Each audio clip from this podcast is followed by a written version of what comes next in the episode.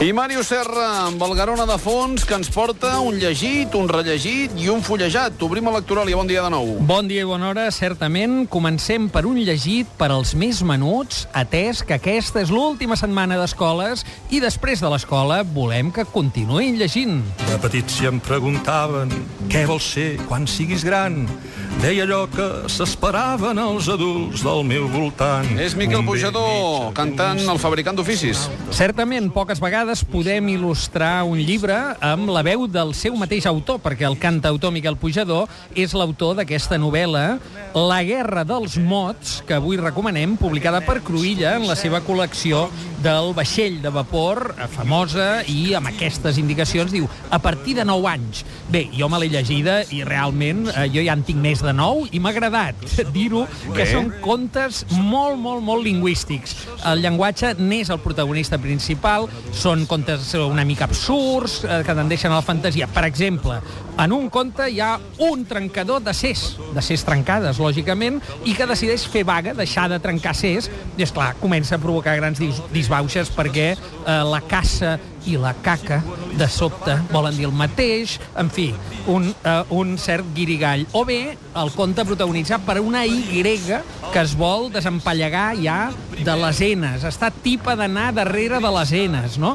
En fi, eh, tots els contes tenen, com et deia, el llenguatge com a nucli central, com a protagonista. Hi ha un nen que parla en vers, no com el personatge de Molière, que parlava en prosa, sinó aquest resulta que sempre parla en vers, i així tots ells fins a acabar amb un conte per al més petit que diu, per al germà petit que diu una gallina amb mal de queixal que ja és eh, per tancar el cercle i fer que els més menuts de, de la casa, ara que acaba l'escola, continuïn acostant-se a les coses aquestes que tenen fulls i paper i està imprès i que es diuen llibres per passar una bona estona. La guerra dels mots, Miquel Pujador, Cruïlla. Mots clau?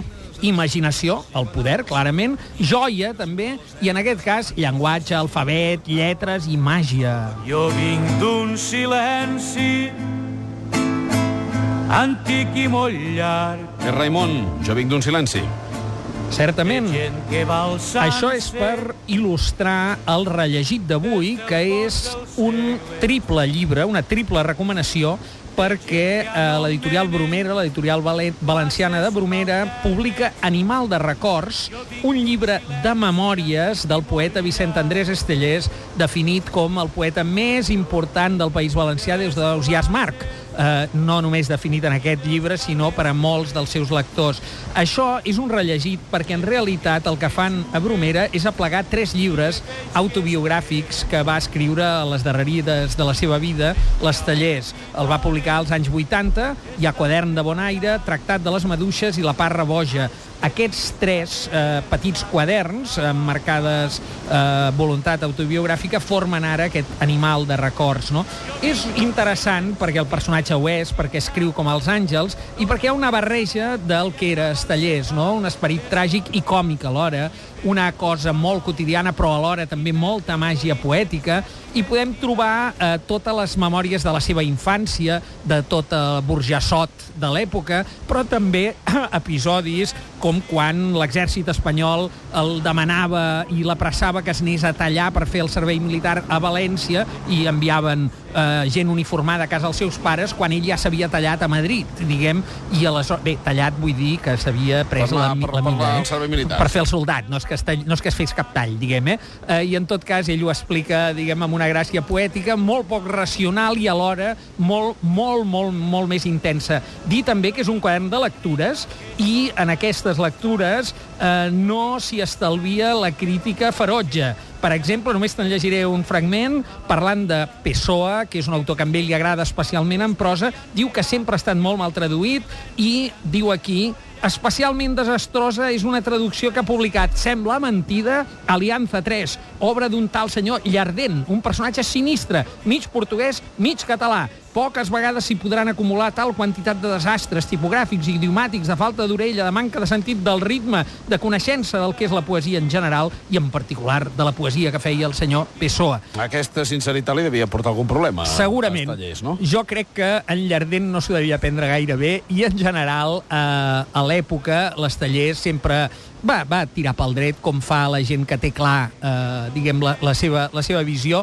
Eh, he, he tret aquest exemple, però és només, eh, diguem, una gota àcida al costat, diguem, d'un mar de sensacions dolces i de tots els eh, colors, no? Home, té, té el, el seu sabor, eh, la sinceritat. Clarament. No té per què ser negativa. No, no, per això, per això. És a dir, ell és un lector de Pessoa, n'està molt i de sobte es troba amb una traducció. Llavors ell fa una reflexió en aquest mateix text sobre la dificultat de traduir poesia, ell s'hi ha trobat, parla de la seva experiència i parla tal com raja amb una sinceritat aclaparadora intens, molt recomanable per entrar en la prosa d'un dels grans poetes, l'autor d'aquells dos amants, no hi havia amants com nosaltres pels carrers de València, que tots hem uh -huh. intentat recitar alguna vegada. Per tant, oportuna reedició de Bromera que es llegeix amb veritable delit aquestes Animal de records, Memòries, Vicent Andrés Estellers. També li has posat quatre L's, mots clau? Aquí, infància, perquè n'és la pàtria fonamental, hi ha molt de burjassot en aquest llibre, memòria, també franquisme, perquè és l'època en la qual en l'Estellers tira i eh, es fa gran, poesia i lectura. Una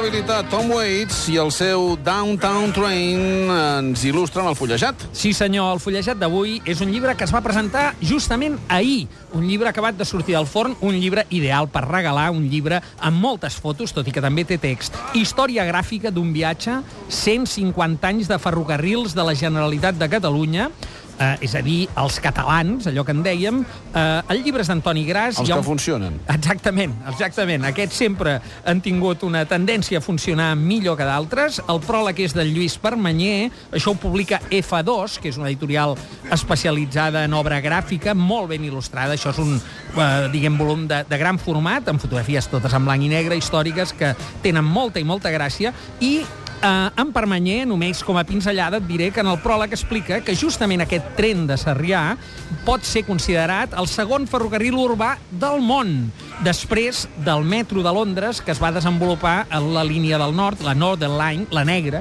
per als qui coneguin una mica el sistema ferroviari londinenc, no?